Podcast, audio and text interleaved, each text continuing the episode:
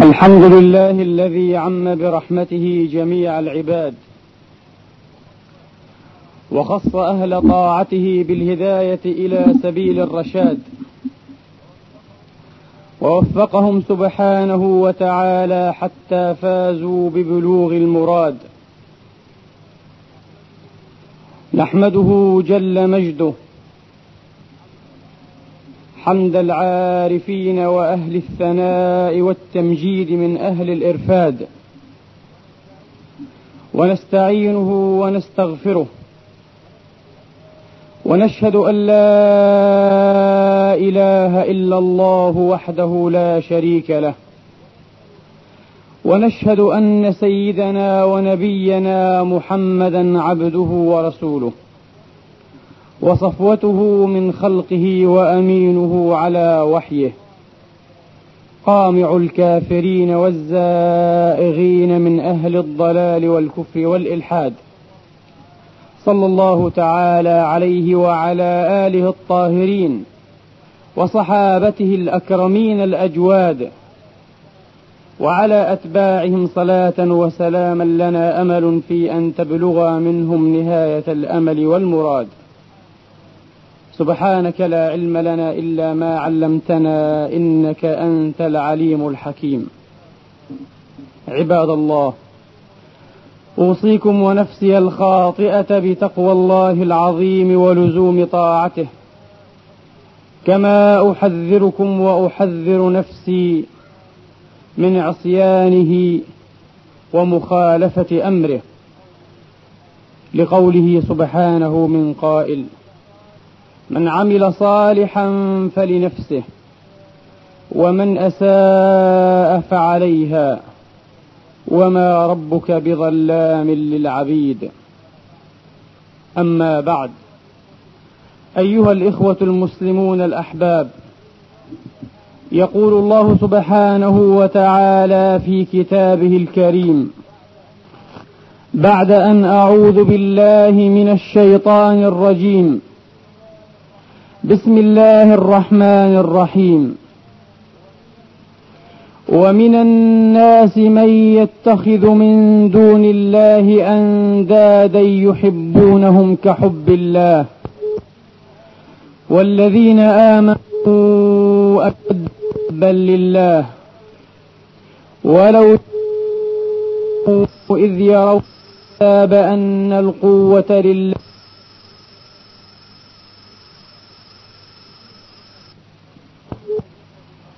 أيها الإخوة الأفاضل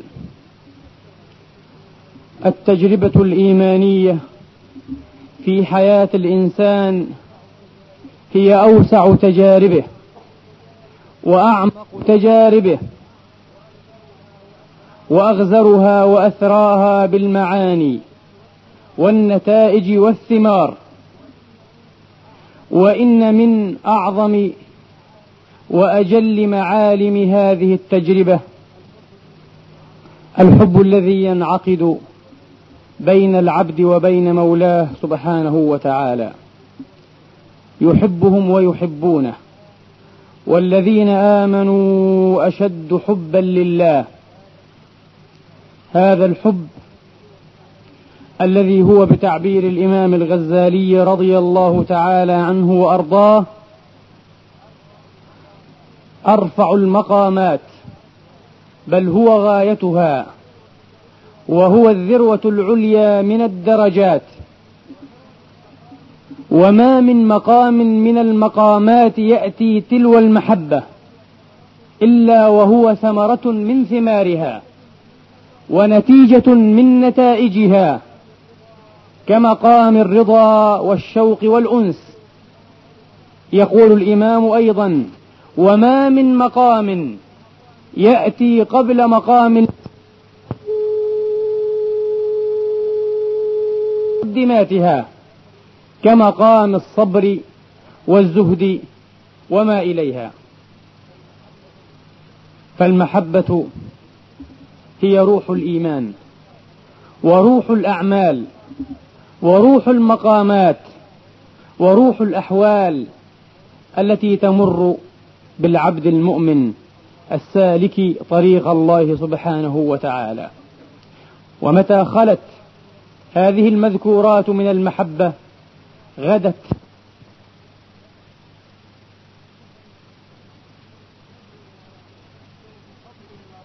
الشوق فضو المراحل. وأجب داعي حبهم ورضاهم. إذا ما نادى لبيك ألفا كواملا.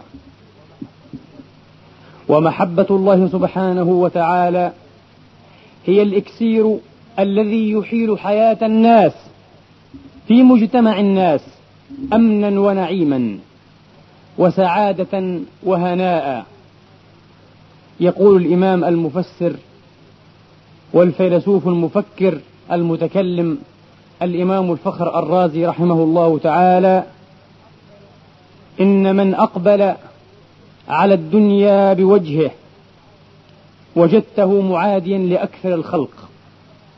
وإن من أقبل على الله بالخدمة لم تجده معاديا لأحد من الناس. يعني إلا بوجه شرعي.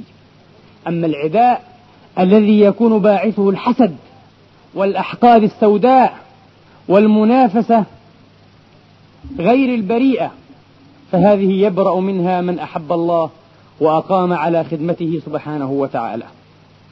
اللهم بلى.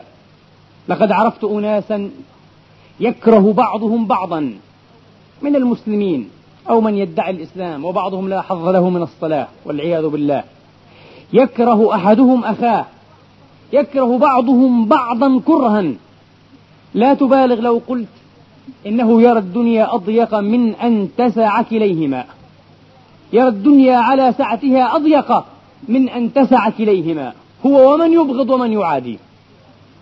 ولقد ذكرت في هذا المقام قصة عجيبة وغريبة عن رجل اشترى عبدا رقيقا وأحسن إليه وأكرم مثواه بل عامله كما يعامل ابنه إن لم تكن فوق هذه المعاملة. ثم انتوى بأخرة أن يعتقه لوجه الله. فعظمت المنة في عين العبد وقلبه وقال لسيده تمن علي يا سيدي مهما طلبت مني من شيء أفعله لك ولو كانت روحي أقدمها لك على راحتي قال لا أطلب منك إلا أمرا واحدا لقاء ما أزديت إليك من نعمة وما اصطنعت إليك من معروف أمرا واحدا إن أنت فعلته وقمت به فقد جازيتني وأجزلت مثوبتي. وإلا فلن أرضى عنك البتة. قال وما هو هذا الأمر؟ العبد مستعد لأي أمر؟ قال أن تذبحني بالسكين. السيد يطلب من عبده أن يذبحه بالسكين. أن تذبحني بالسكين ولكن على سطح دار جاري. على سطح جاره. هناك تذبحني. عظم عجب العبد. قال يا سيدي لم أفقه ولم أفهم شيئا. كيف أذبحك؟ وأنت الذي أسديت إلي ما أسديت واصطنعت إلي ما اصطنعت. أبهذا أكافيك؟ وبهذا يكون جزاء الإحسان؟ كلا والله لا أفعل. قال إذا أسخط عليك الأبد. قال فإن رمت أن أفعل فلا محال ولا بد من أن تطلعني على سر هذا الأمر. قال سره أنني أكره هذا الجار. أكرهه كرها شديدا وأتمنى له المصيبة بكل سبيل ممكنة ولم أتوصل إلى إيذائه. لم أستطع أذيته بأي وجه كان. فإنك إذا ذبحتني على سطح داره اتهم بي فقتل فأرتاح وأن كنت ميتا. حقد غريب تفكير عجيب. طبعا ليس أكثر الناس على هذه الشاكلة لكن بعض الناس يفكر بطريقة غريبة قد يجر إلى نفسه الأذية لكن وفاق ولقاء أن يؤذي أخاه بأذية مثلها أو أكبر منها. هذا قلب فارغ من المحبة. هذا قلب أقسى من حجر لأنه قلب لم يتعلق بالله سبحانه وتعالى. ولذا لا يمكن أن ينصلح حال المجتمع. ولا حال الأفراد لا يمكن أن يصلح حال الناس. ما دامت قلوبهم حوامة على الدنيا تتنافس حول هذه الدنيا فقط وتتمحور حول ذواتها. ولا تتنافس في سلك محبة الله سبحانه وتعالى. ما أحب الناس الله سبحانه وتعالى أحب أنفسهم. وصارت حياتهم أمنا ودعة وسكينة وسعادة وطمأنينة. ما بعدها طمأنينة.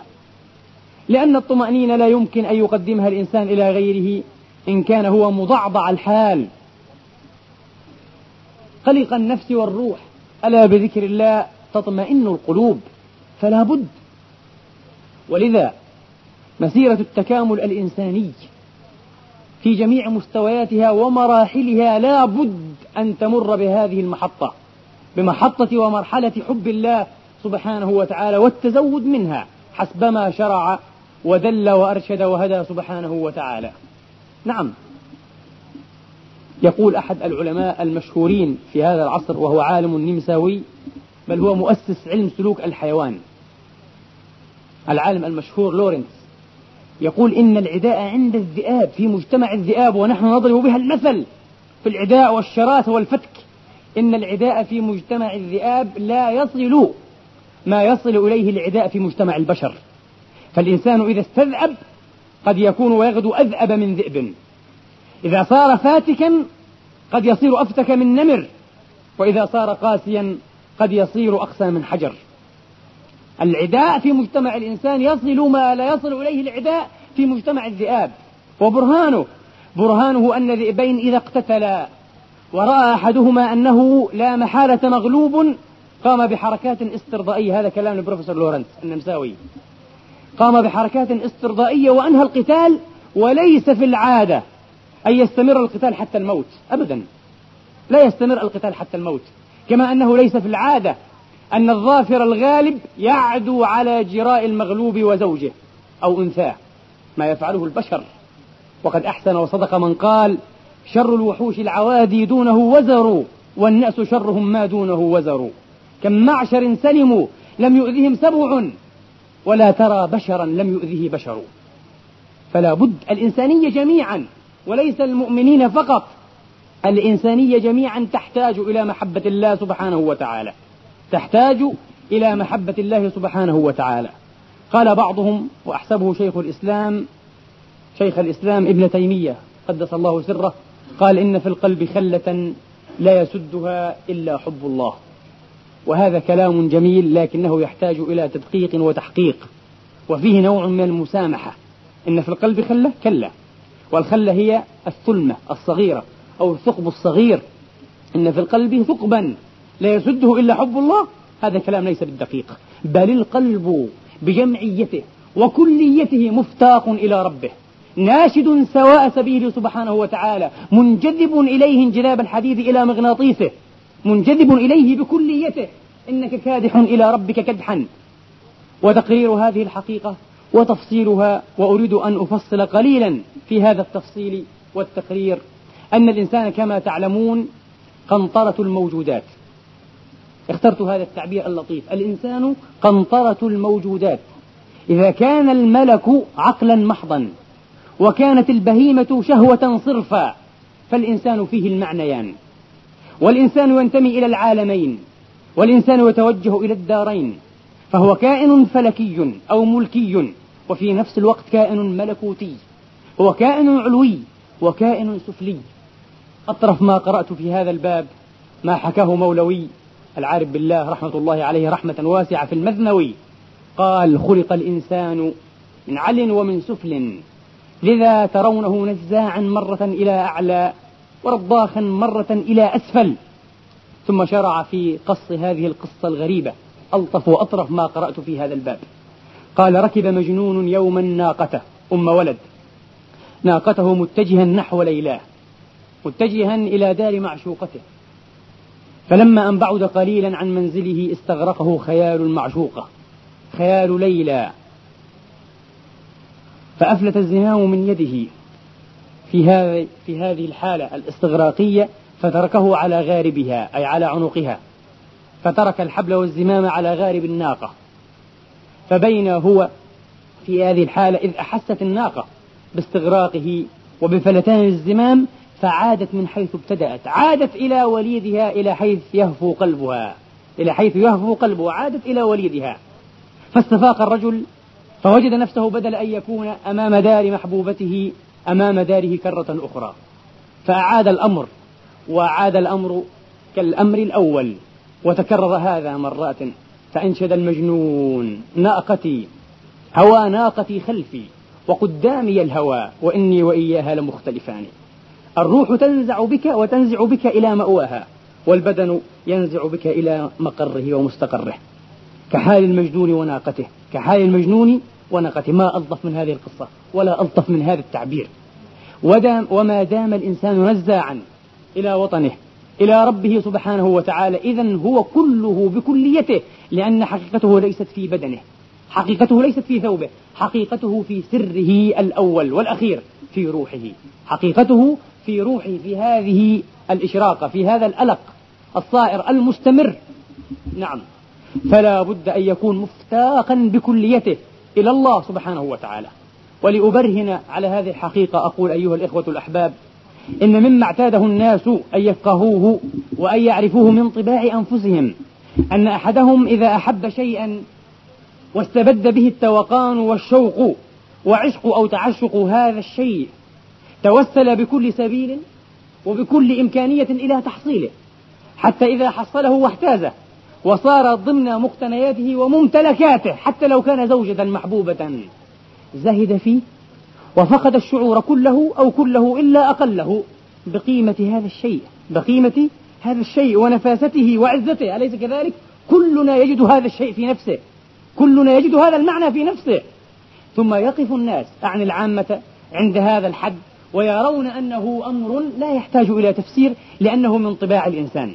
هكذا هو الإنسان هكذا جبل وهذه نحيزته وغرائزه وطباعه. لا الأمر يحتاج إلى تفسير. الأمر يحتاج إلى تفسير.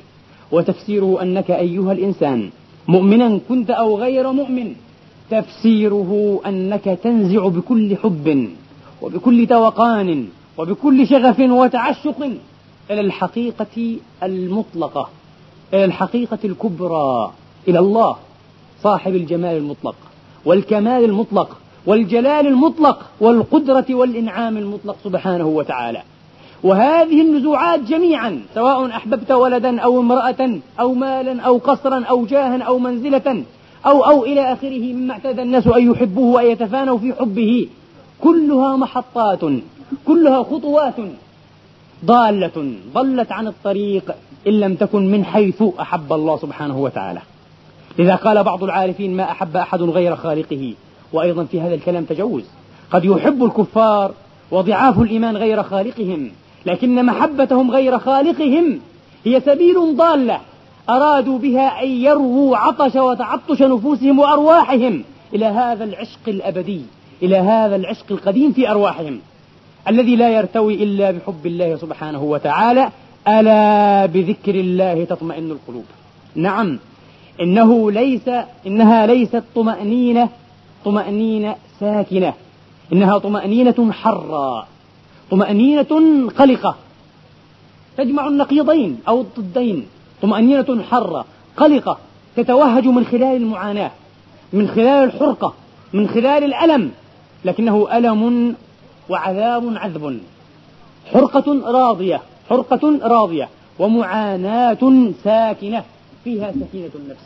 ألا بذكر الله تطمئن القلوب. هذه الطمأنينة التي لا توجد إلا في محبة الله وعبر منشور هذه المحبة ذكر الله سبحانه وتعالى. وهذه معاني لا يعرفها إلا من ذاق حظا ولو يسيرا منها.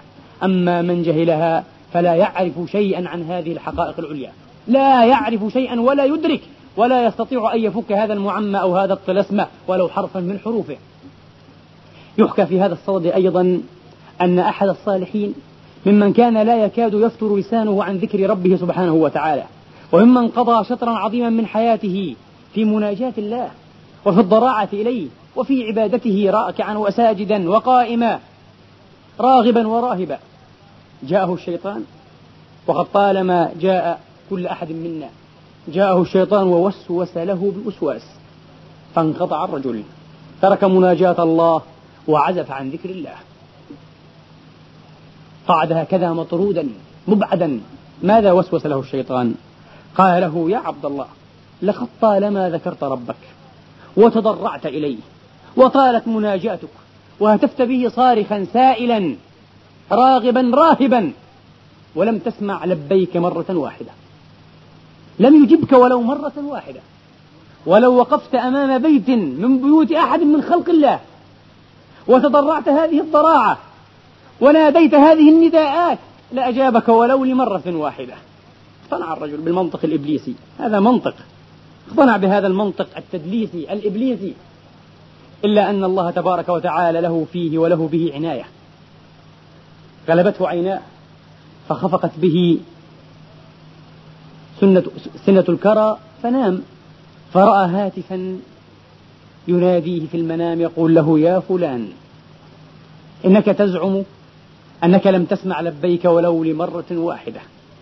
فاعلم يا عبد الله أن هذا الألم الذي تتعاناه وأن هذه الحرقة التي تضنيك وتذيبك هي جواب الله سبحانه وتعالى عن ضراعتك ونداءاتك هي جواب الله سبحانه وتعالى عن ضراعاتك ونداءاتك. لذا قلت هي العذاب العذب وهي الحرقة اللذيذة المشتهاة التي لا يعرفها إلا من جربها. ومن خلالها ومن خلالها تتوهج الطمأنينة. ألا بذكر الله تطمئن القلوب. ومن عرف الله سبحانه وتعالى أحبه ومن أحب الله خافه. وهذا معنى أريد أن أقرره وهو اجتهاد شخصي مني وأسأل الله أن أوفق إلى الصواب فيه. بعض الناس قد يبدأ بخوف الله سبحانه وتعالى يغلب عليه خوف الله. فهذا قد ينقطع به قد قد يصل به الأمر إلى الانقطاع واليأس أو الإياس فينتهي. إلى بوار وإلى خسران. أما من بدأ فأحب الله لكن المحبة الصحيحة. والمحبة لا تكون صحيحة إلا إذا كانت عن معرفة. قال الإمام ابن الجوزي في صيده رحمة الله تعالى عليه إن العقول والفهوم ما استغرقت في عظمة الله ومعرفة لطفه وكرمه ورفعته تاهت في محبته. تاهت في محبته. فمحال أن يحب الله من جهل الله. محال أن يحب الله من لم يعرف الله سبحانه وتعالى. وعلى قدر معرفتك بالله سبحانه وتعالى عبر تجليات أسمائه وصفاته وعبر تقديس ذاته الأحدية لا إله إلا هو تحبه سبحانه وتعالى. هذه المعرفة تورث المحبة والمحبة بدورها مفتاح لخزائن العرفان. كيف؟ فإن الله إذا أحبك وأنست به قربك فإذا ما قربك وكما في الحديث الصحيح الذي تعرفونه وصار بصرك الذي تبصر به وسمعك الذي تسمع به ويدك التي تبطش بها ورجلك التي تمشي وتسعى بها أثر المحبة. هذا أثر من آثار المحبة. فإذا أحببته أصبحت كذا وكذا وكذا. الحديث الصحيح. نعم. المحبة إذا مفتاح مفتاح لكنوز من معرفة الله وعرفانه سبحانه وتعالى. فتزداد المعرفة. ويفتح عليك من أبواب التعرف إليه وعليه ما لم يكن يخطر على بالك أو ربما بال كثير من عباد الله. فهنا من عرف الله هذه المعرفة التي تأتي ولي أو تلو المحبة خافه سبحانه وتعالى وعظمه وهابه. أما من بدأ بخوفه قد لا ينتهي به الخوف إلى المحبة. فالطريقان قد لا يجتمعان وقد لا يلتقيان. ولذا ترون أن الله سبحانه وتعالى قدم الرغب على الرهب ويدعوننا رغبا ورهبا فكأن الرهب يأتي ثمرة ونتيجة للرغب. يدعوننا رغبا ورهبا. إذا هذا الحب الذي لا يرتوي أو هذه الخلة التي لا تسد إن صح تعبير الإمام ابن تيمية لا تسد إلا بمحبة الله سبحانه وتعالى أمره أصبح لائحا وأصبح بينا. إذا ترون كيف نفسر هذه الحالة أو هذا الطبع الغريب العجيب في الإنسان؟ كلما امتلك شيئا زهد فيه وفقد الشعور بقيمته لأنه لا يتوق إليه حقيقة.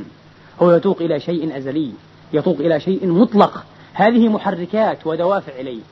ولذا قال من جرب العشق والمحبة لغير الله وفي غير الله قالوا إن العشق إذا تنامى أمره وازداد واستفحل واستبد بصاحبه انتهى إلى حالة يفنى فيها العاشق عن المعشوق في خيال المعشوق.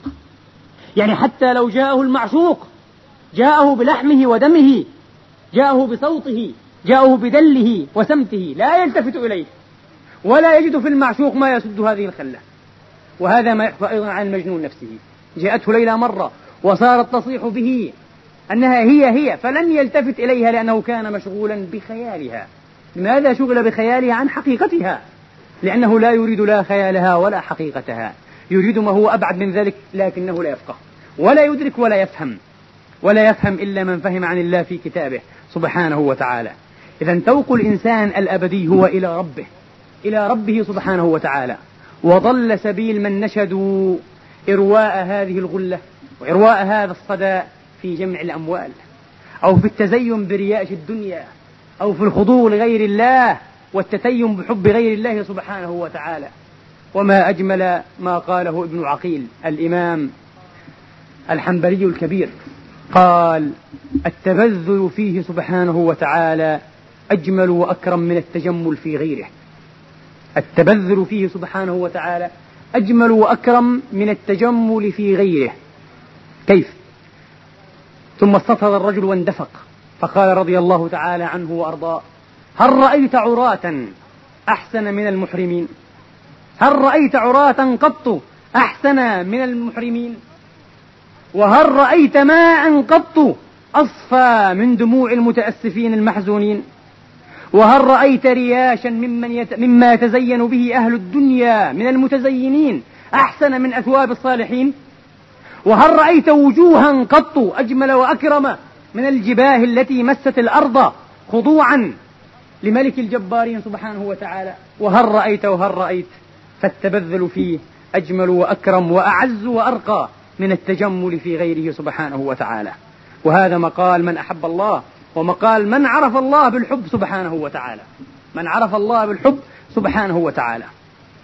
إذا أيها الإخوة أعود إلى المعنى الذي لم أكمله في أول حديثي محبة الله سبحانه وتعالى سبيل قاصدة وناهجة إلى تكامل إنسانية الإنسان. إلى تكامل إنسانية الإنسان. تعلمون أننا عندما نولد ونلج وندلف إلى هذا العالم ندلف تامي الخلقة يولد الإنسان بالتمام. يولد إنسانا تاما لكنه لا يولد إنسانا كاملا. وقد يبقى أكثرنا ويخرج من هذه الحوزة يخرج من هذه الدورة يخرج من هذه الدنيا يخرج منها ربع إنسان أو عشر إنسان أو واحد على مئة أو نصف إنسان. المهم أنه يخرج كسر إنسان. يخرج كسر إنسان لا يخرج إنسانا كاملا.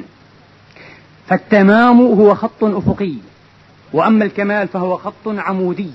ولا يأتي الكمال طبعا إلا بعد التمام إلا بعد التمام. الكمال درجات. يترقى في درجها الإنسان درجة درجة ومنزلة منزلة إلى أن يبلغ حدا هيأته له استعداداته وأفاضته عليه عناية الله سبحانه وتعالى. وأعلى هذه الحدود ما يختص بالأنبياء أو ما يختص به الأنبياء والمرسلون. ثم تتوالى بعد ذلك نزولا الدرجات من الصديقين والعارفين والصالحين والشهداء ومن إليهم رضي الله تعالى عنهم أجمعين. فمحبة الله سبحانه وتعالى لأن الإنسان جزءان جزء يغذى ويستمد ويمد بهذه الأغذية المادية المحسوسة وجزء لا يغذى إلا بهذه المعاني ومن أجملها وأعظمها معنى محبة الله سبحانه وتعالى. أنتم ترون أن كثيرا منا كثيرا من الناس يدرك وجوب وضرورة أن يغذى وأن يمد هذا البدن. كم مرة في اليوم؟ ثلاث مرات. أليس كذلك؟ على الأقل في اليوم والليلة ثلاث مرات. أما الروح فإنها تحتاج إلى غذاء أطول وإلى غذاء أكثر. لماذا؟ تحتاج إلى خمس مرات. على الأقل. ومن زاد أو استزاد فقد زاد أو استزاد من الطيب الطهور المبارك. وأحسن صحبة روحه. وأحسن صحبة روحه رفقة مطيتها ألبدن. خمس مرات. الصلوات الخمس في اليوم. لماذا؟ كانت هذه التفرقة لأن الروح سفرها أطول. الروح سفرها أطول وسفرها أبعد. البدن سفره مدة هذه الدنيا وهي مدة قصيرة تحتاج إلى ثلاث مرار. أما الروح فسفرها سفر الأبد فتحتاج إلى خمس كحد أدنى. ومن ترك من هذه الخمس ولو واحدة في يومه فهو الخائب المعيوب الخاسر. فهو الخائب المعيوب الخاسر وقد ترك حظه من الكمال. قبل سنين قرأت مقالة لأحد المفكرين الإسلاميين الكبار في هذا العصر ولم أفقهها إلا في هذه الأيام. هذا الرجل يقول لو ترك المؤمن صلاة واحدة من صلاته قد يغفر الله له هذا الذنب. إذا استغفر وأناب قد يغفر الله بلا شك. لكنه أبدا لن يبلغ الكمال الذي كان مرسوما له. انتهى. ألم يترك صلاة في وقتها؟ والصلاة كانت على المؤمن كتابا موقوتا؟ إذا انتهى خرج وقتها. لو قضاها واستغفر تغفر الله له لا بأس. ولكنه لن يبلغ كماله الذي هيأته له العناية الإلهية. وهذا الكمال لا تبلغه إلا في مدى عمرك المحسوب المقدر في علم الله والمكتوب المزبور في لوح الله وصحف الأملاك الطاهرين المكرمين. وفي مدى هذا العمر لابد أن تؤدي أنصبة العبادات كما اختطتها الشريعة وكما طلب إليك ربك بأعدادها وأنصابها. كاملة غير منقوصة أو تامة أستغفر الله. ما دام فقهنا معنى الكمال والتمام فلا نخلط. تامة غير منقوصة فإن أتيت بها تامة كاملة فقد قاربت درجات النبيين وهيهات هيهات. آه لكن تستطيع أن تأتي ببعض الكمال. فالمغفرة شيء والتجاوز شيء لكن نقصان كمالك شيء آخر أيها الرجل. يا عبد الله ينقص هذا الكمال إلى الأبد ولا تستطيع أن تتداركه. بمثل هذه النظرة يستطيع الإنسان أيضا أن يفقه كيف تكون نفسه والنفس ليست شقيقة للروح ولا نسيبة إليها بل هي من عالم التقابل من عالم الأضداد. تستطيع أن تفقه كيف تكون نفسك أعداء أعدائك. كيف؟ ولماذا؟ إن أعداء أعدائك وألد خصومك من بني البشر. إذا ما أغدقت عليه وأحسنت إليه وقابلت السيئة منه بالحسنة منك عاد كأنه ولي حميم. ادفع بالتي هي أحسن. فإذا الذي بينك وبينه عداوة كأنه ولي حميم. والأمر تعلمون أو تعلمون على الضد من هذا بالكلية في أمر النفس. مهما أحسنت إليها وأغدقت عليها وأوسعت عليها ومددت لها مدد العطاء بحبل التدلية بالغرور أوردتك المهالك. ولم تسلك بك السبيل القاصد وضل بك طريقك أليس كذلك؟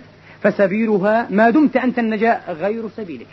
سبيلها ما رمت ودمت النجاة ما دمت ما رمت النجاة غير سبيلك يا أخي المؤمن. إذا فلنتعلم أن نعبد الله بلحاظ هذه المعاني لا أن نعبد الله بلحاظ معنى التكليف فقط.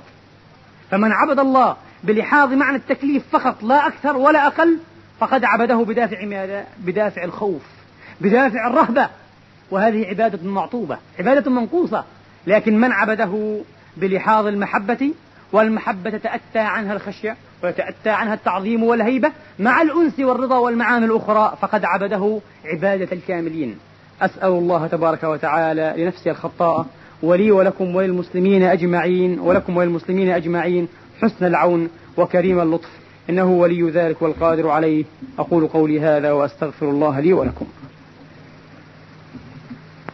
وأشهد أن لا إله إلا الله وحده لا شريك له وأشهد أن سيدنا محمدا عبده ورسوله صلى الله تعالى عليه وعلى آله الطاهرين وصحابته المباركين وأتباعهم بإحسان إلى يوم الدين. أيها الإخوة الأحباب في واقع الأمر أن الذي بعثني على أن أتحدث هذا الحديث الذي قد يكون في أذهان بعضكم مختلطا أو غريبا نوعا ما هو قرب شهر رمضان المبارك. بدأنا نتيسم أرياح هذا الشهر. هذا الشهر الناس معه على أحوال مختلفة جد اختلاف. بعضهم يراه شهر عنة وشهر تعب وشهر نصب غير خليق بما يؤدى فيه من وجوه هذا التعب والنصب والعنت. لذا فإنه يستدبره بالمعصية وبالطغيان على حد الله وحرمات الله فيه فيهتك أستار الله وحرمات الله ويتجاوزها نعوذ بالله من الحور بعد الكور. وبعضهم يتعبد ويأتي بهذا النصب وهذا التعب وهذا العنت. لكن كما قلت قبيل قليل بلحاظ التكليف لأن هذا فرض مفروض عليه. لأن هذا فرض مفروض عليه. يجب أن يتحمله مكرها. والبعض الآخر يرتفع عن هذه الوهدة إلى يفاع إدراك بعض المعاني اللطيفة في هذا الشهر. هذه المعاني التي أدركها المصطفى. ربما أدركها جميعا حتى قال لو تعلم أمتي ما في رمضان لتمنت أن يكون الدهر كله رمضانا لو تعلم لكنها لا تعلم. فاغتنموا يا أحبابي من أيامكم هذه. بعض الناس يؤجل توبته يؤجل الإقلاع عن معاصيه يؤجل حتى الصلاة لا يصلي إلا في رمضان يؤجل. وينتوي, أن يبدأ الصلاة من رمضان وأن يترك كذا وكذا من رمضان. أنت لا تضمن عمرك إلى رمضان. ولكن لا يحسن استقبال هذا الوافد الكريم بأمثال هذه النوايا والعزائم. إنما يحسن استقباله بعزائم أخرى ونوايا مختلفة تماما. أن تبدأ منذ هذه الأيام إن لم يكن قبلها أن تبدأ منذ هذه الأيام بتطهير نفسك. أن تبدأ بإعادة صياغة حياتك لكي تتلائم مع هذا الشهر العظيم. لكي تستطيع أن تغتنم منه. من المعروف أن الإنسان إذا هجم على أمر هجم هجمة واحدة لا يستطيع أن يستقل به.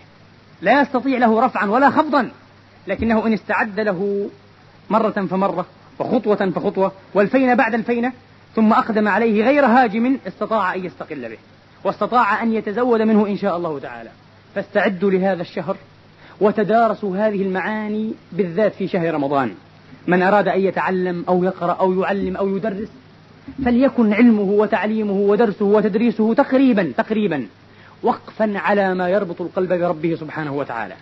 لأنه والله يا, يا إخواني أقولها صادقا قلوبنا مغفرة قلوبنا مجدبة قلوبنا قاسية وكلنا يشكو هذا المرض والعياذ بالله.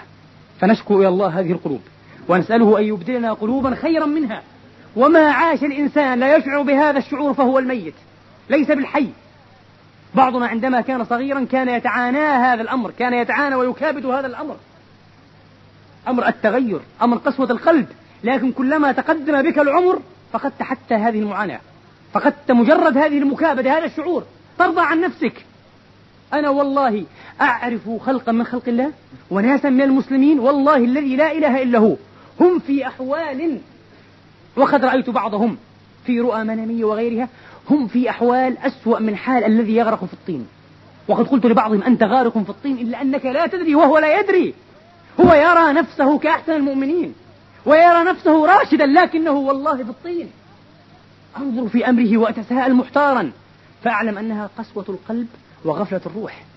الروح غافلة أو ميتة أو نائمة على الأقل. فعلى الإنسان دائما أن يطرق أبواب هذه النفس؟ أن يلح وأن يكون ملحاحا؟ لعل أبواب النفس وأبواب الروح تتفتح له في شهر تغلق فيه أبواب النيران وتصفد فيه الشياطين. من لم تنفتح له أبواب روحه وتتفتح له أبواب قلبه في هذا الشهر فمتى تتفتح؟ فتهيئوا واستعدوا والبسوا جلبابا من الجد والعمل الصالح والعزائم الكريمة في هذه الأيام. لهذا الشهر الوافد الكريم أسأل الله الكريم مولاي رب العرش العظيم أن يهله علينا بالخير والأمن والإيمان في عزة الإسلام والمسلمين وأن يجعلنا فيه من خير المتزودين. إنه ولي ذلك والقادر عليه. اللهم إنا نسألك ونبتهل إليك بالدعاء والضراعة أن تجعلنا هداة مهديين غير ضالين ولا مضلين. اللهم أصلحنا وأصلح بنا اللهم اهدنا واهد بنا اللهم زدنا ولا تنقصنا أكرمنا ولا تهنا أعطنا ولا تحرمنا وارض عنا وأرضنا يا رب العالمين. اللهم إنا نسألك الهدى والتقى والعفاف والغنى ونسألك قلبا سليما ولسانا صادقا. ونسألك من خير ما تعلم ونعوذ بك من شر ما تعلم ونستغفرك لما تعلم. اللهم إنا نسألك يقينا وإيمانا ليس بعده كفر. ورحمة ننال بها شرف كرامتك في الدنيا والآخرة. اللهم قنا عذابك يوم تبعث عبادك. اللهم قنا عذابك يوم تبعث عبادك. اللهم ارفع مقتك وغضبك عنا. لا تؤاخذنا بما فعل السفهاء منا. اغفر لنا ولوالدينا. وارحمهم كما ربونا صغارا. جزهم بالإحسان إحسانا وبالسيئات غفرانا. واغفر اللهم للمسلمين والمسلمات المؤمنين والمؤمنات الأحياء منهم والأموات. بفضلك ورحمتك إنك سميع قريب مجيب الدعوات. عباد الله إن الله يأمر بالعدل والإحسان وإيتاء ذي القربى. وينهى عن الفحشاء والمنكر والبغي يعظكم لعلكم تذكرون. اذكروا الله يذكركم واشكروه يزدكم وسلوه يعطكم فستذكرون ما أقول لكم وأفوض أمري إلى الله. إن الله بصير بالعباد. قوموا إلى صلاتكم يرحمني